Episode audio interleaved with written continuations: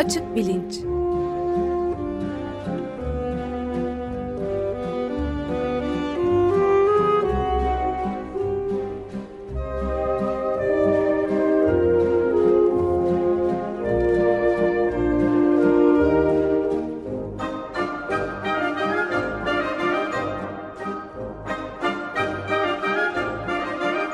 Güven Güzeldere ile bilim ve felsefe sohbetleri.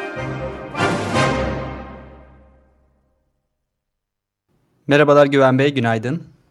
Günaydın Özdeş. Merhaba Güven Bey, günaydın. Günaydın Can. Evet, geçen hafta kaldığımız yerden devam edeceğiz galiba. Komplo kurgularına biraz daha devam edelim. Ee, ama farklı bir açıdan bugün yaklaşalım. Ee, evrimsel biyoloji açısından.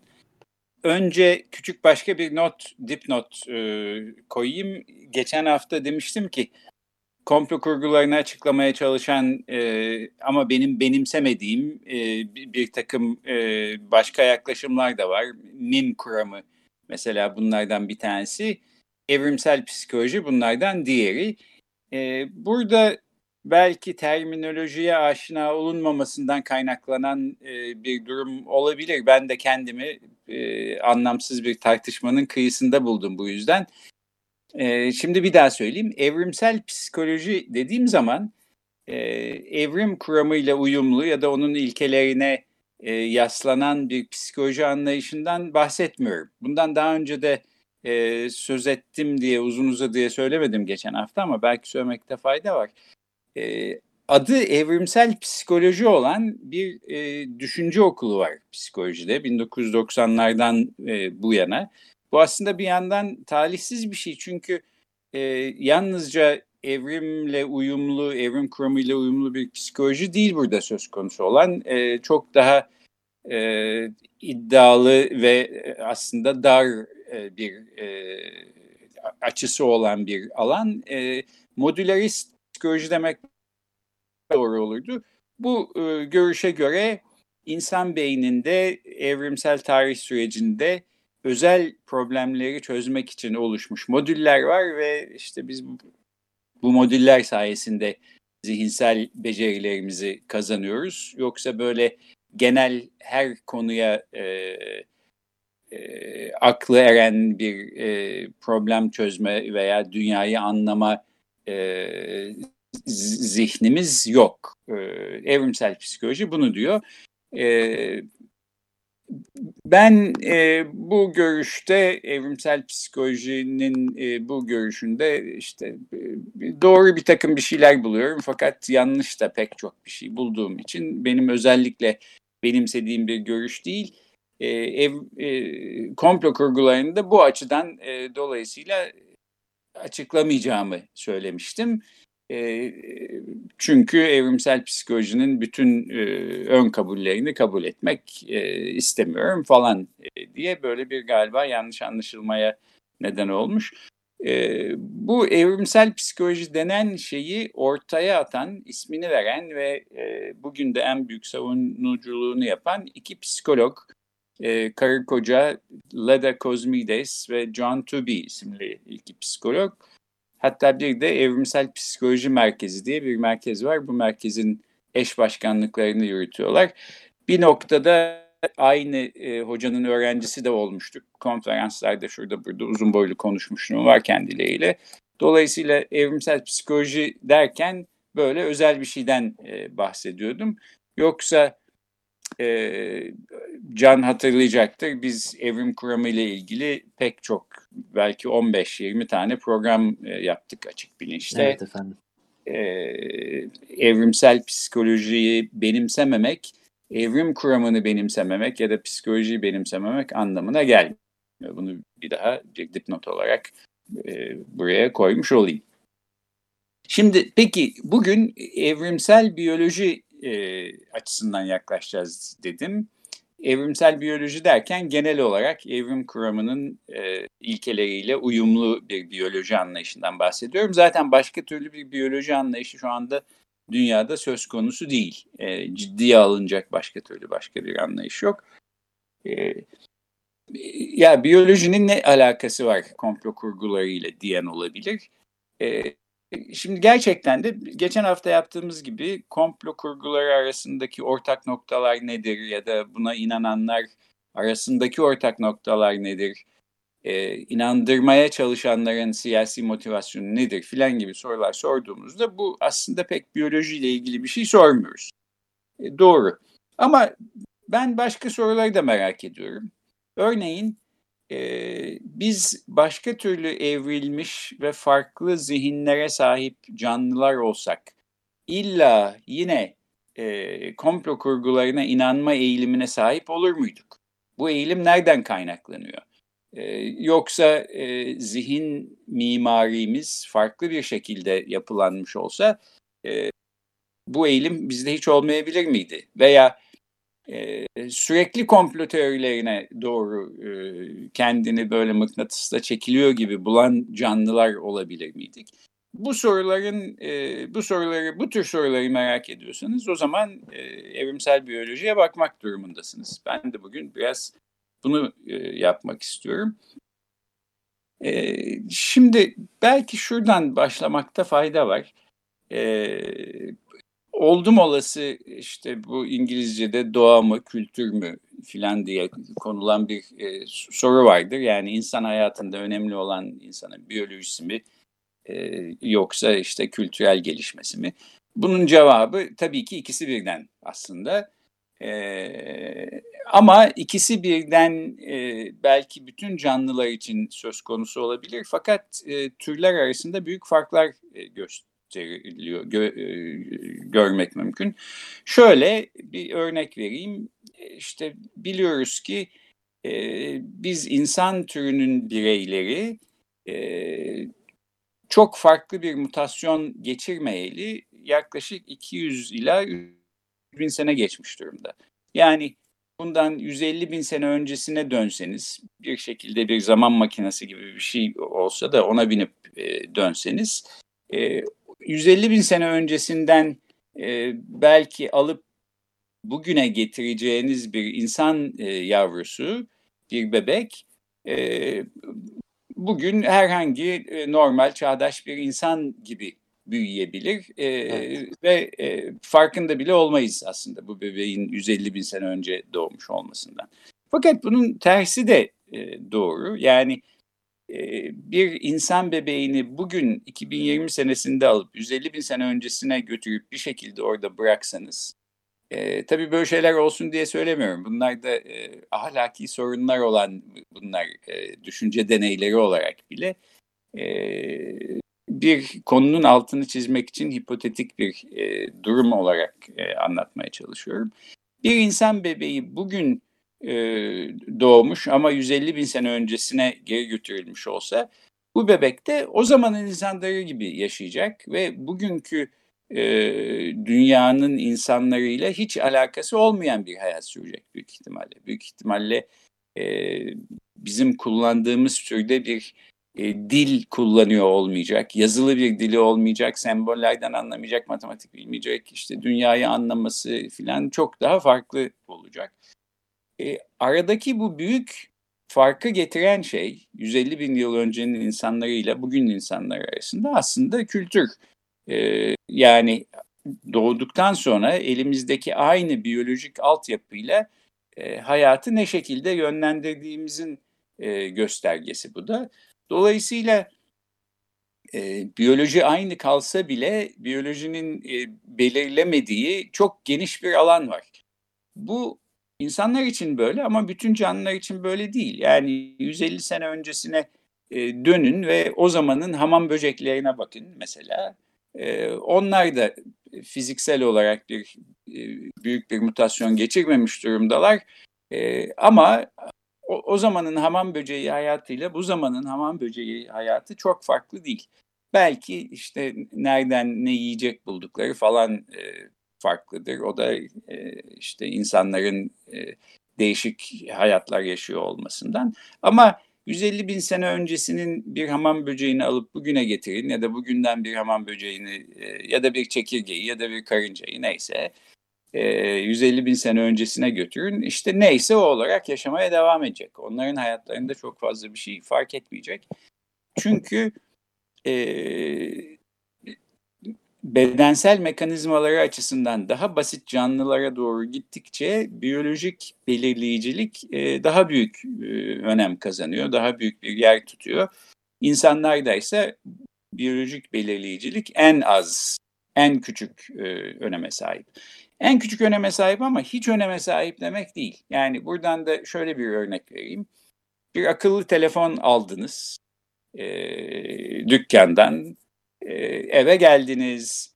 E, şimdi telefonun bu ilk günkü haliyle daha sonra işte 3-5 ay kullandıktan ve içine bir sürü uygulama yükledikten sonraki hali arasında ciddi bir fark e, olacak. İlk defa kendisine bir bilgisayar alanlar ya da bir akıllı telefon alanlar e, içinde nispeten pek bir şey olmayan bir cihazla e, çalışmaya başlıyorlar. Daha sonra içine giderek dolduruyoruz.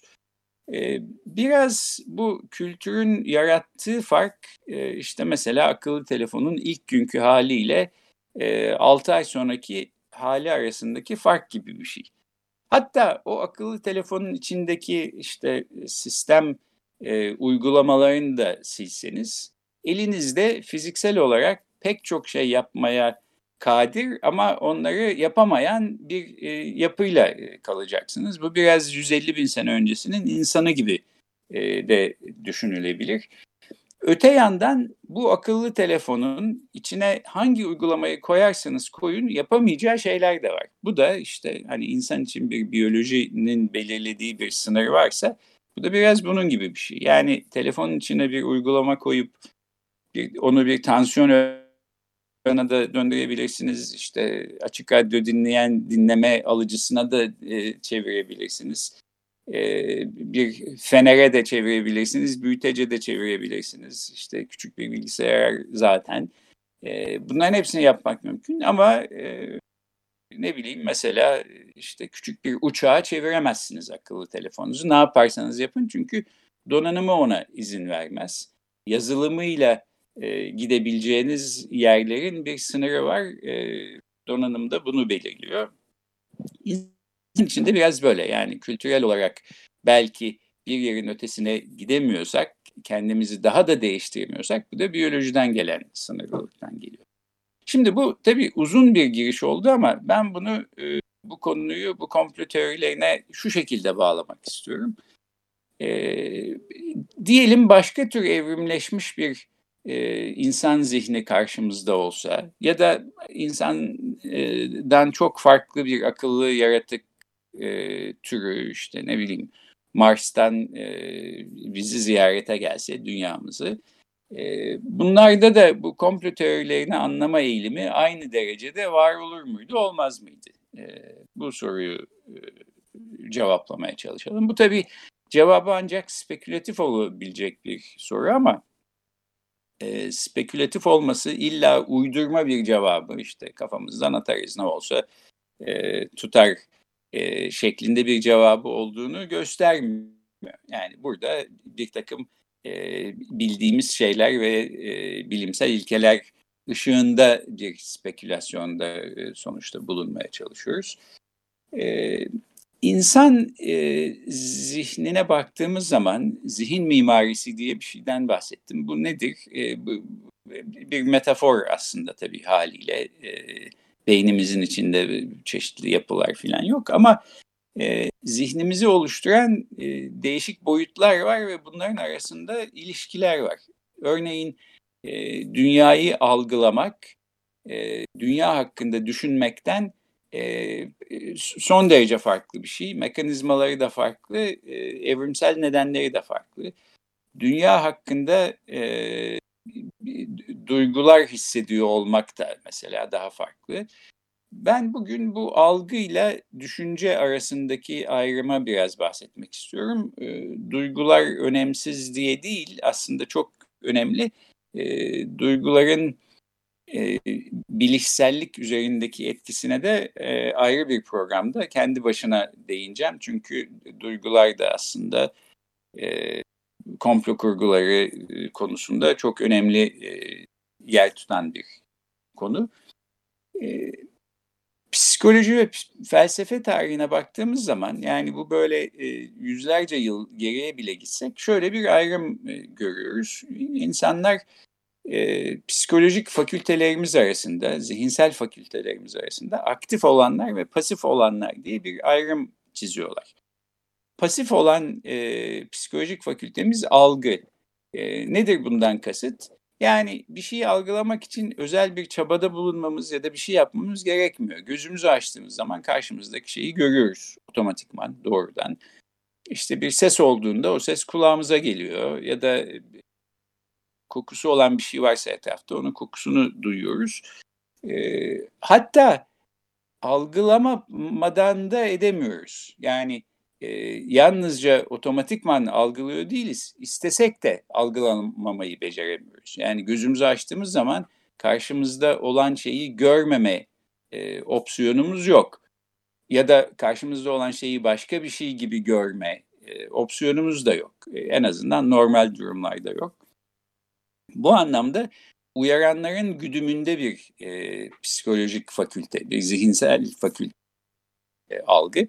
E, ve bu e, şekilde de aslında düşünmeden çok daha farklı. Çünkü bir şey düşündüğümüz zaman illa e, bir uyaran tarafından bunun tetiklenmiş olması gerekmiyor. Gözlerimizi kapayıp işte bin tane şey düşünebiliriz, hayal edebiliriz, aklımızdan neler neler geçebilir bir düşünce bir başkasını belki tetikleyebilir ama her zaman da hangi düşüncenin nereden geldiğini bilmiyoruz.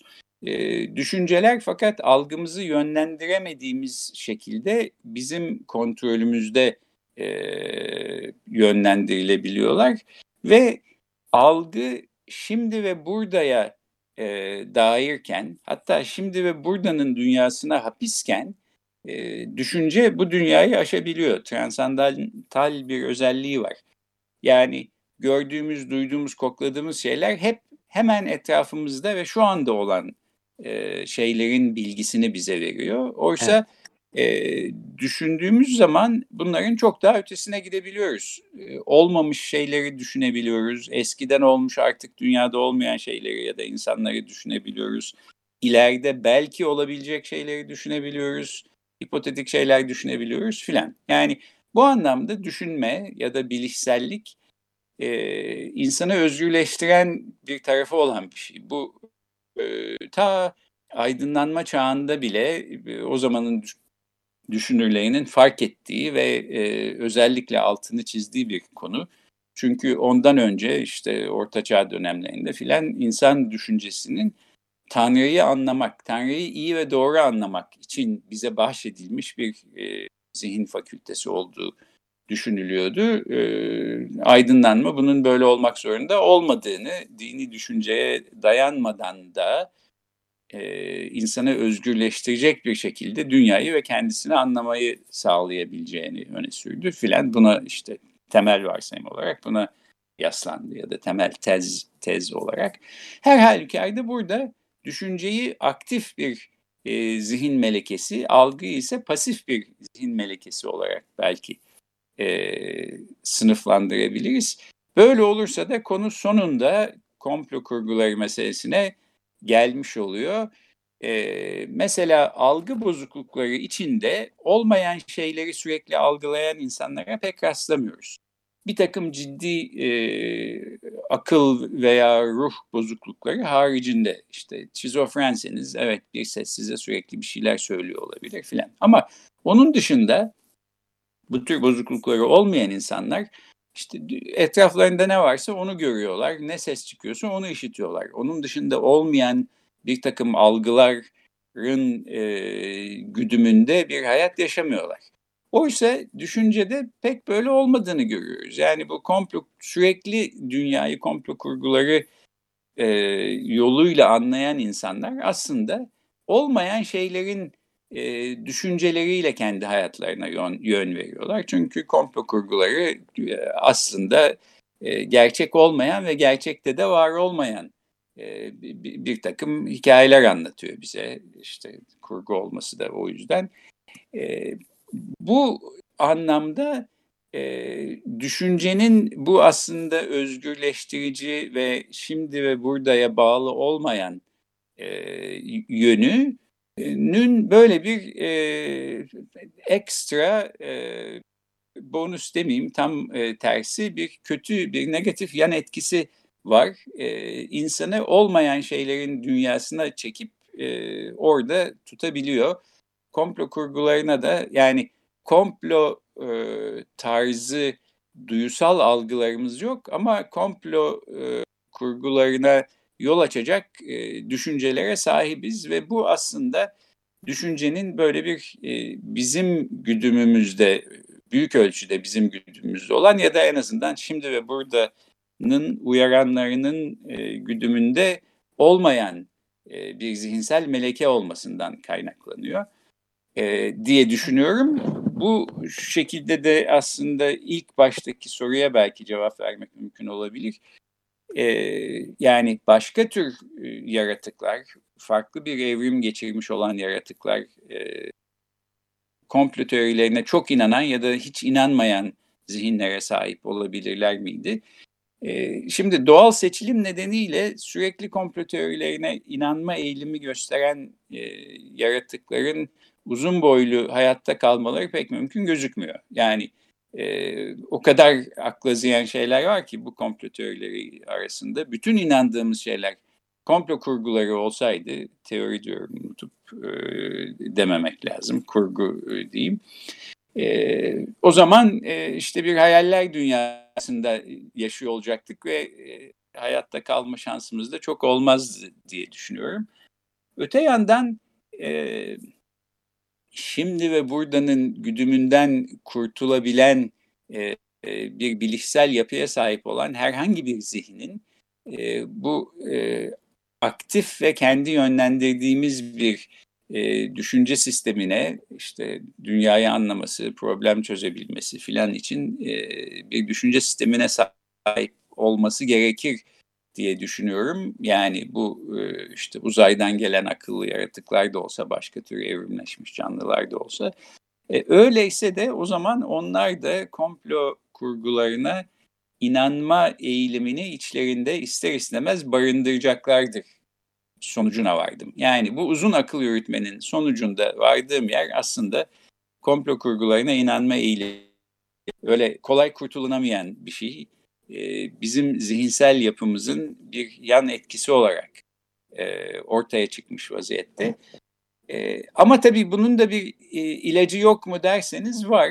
E, yani e, insan hayatını biyoloji belirlemiyor. E, ya da tamamen biyoloji belirlemiyor. En başta söylediğim e, meseleye geri döneyim. E, bebeklikten yetişkinliğe kadar geçen dönemde zihnimizin nasıl yapılandığı işte eğitim ile oluyor, öğretim ile oluyor. E, bilişsel bilimler, psikoloji, nörobilim bunları çalışıyor.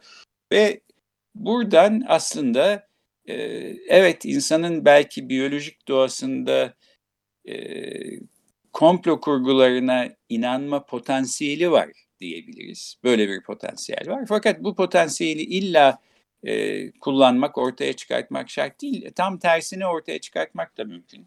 Evet. Yani kom komplo kurgularına son derece eleştirel bir e, düşünce e, yönüyle yaklaşan ve onlara hiç prim vermeyen e, insanlar olarak yetişmemiz de mümkün. Bu tabii işi biyolojiden bir adım sonraya yani e, doğduğumuz andan öldüğümüz ana kadar geçen hayat süremiz içinde neler olduğu konusuna getiriyor. O da daha ziyade işte e, bilişsel bilimlerin falan konusu. Onları gelecek hafta ele alacağım ama biyoloji e, konusunda söyleyeceklerim yaklaşık böyle. Yani özetle biyolojik olarak e, insanları komplo teorilerine eğilimli kılan şey düşünme faaliyeti aslında. Dolayısıyla düşünebilen diğer canlılarda kaçınılmaz olarak benzer bir ilişki olabileceğinden e, söz ediyoruz.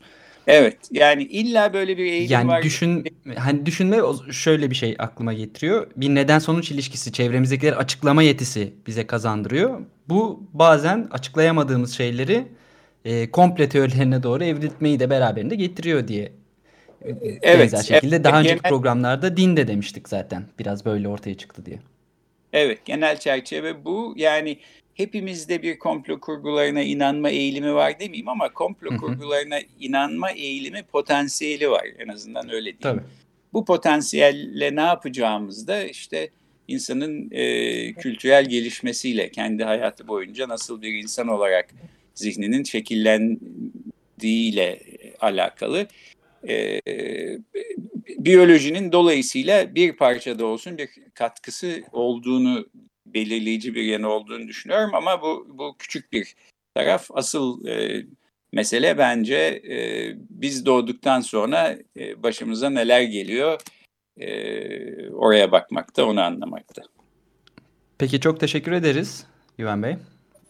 Peki bugün böyle e, nefessiz biraz bir e, aktarım evet. oldu. Kusura bakmayın. E, ne demek? E, gelecek hafta biraz daha konu tabii biyolojiden daha e, psikolojiye doğru gittikçe işte geçen hafta konuştuğumuz tarihsel toplum bilimsel e, e, bağlama falan da daha yaklaşıyor. E, oralara yeniden gidiyor olacağız. Peki. Haftaya görüşmek üzere o zaman. Tamam. Haftaya görüşmek, görüşmek üzere. üzere efendim. Kendinize iyi bakın. Evet, siz de öyle. Hoşçakalın.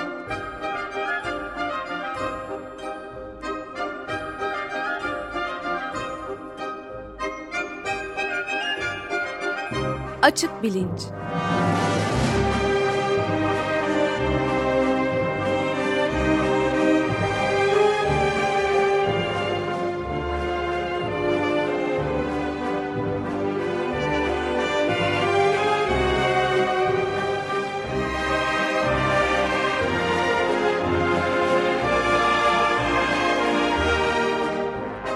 Güven Güzeldere ile bilim ve felsefe sohbetleri.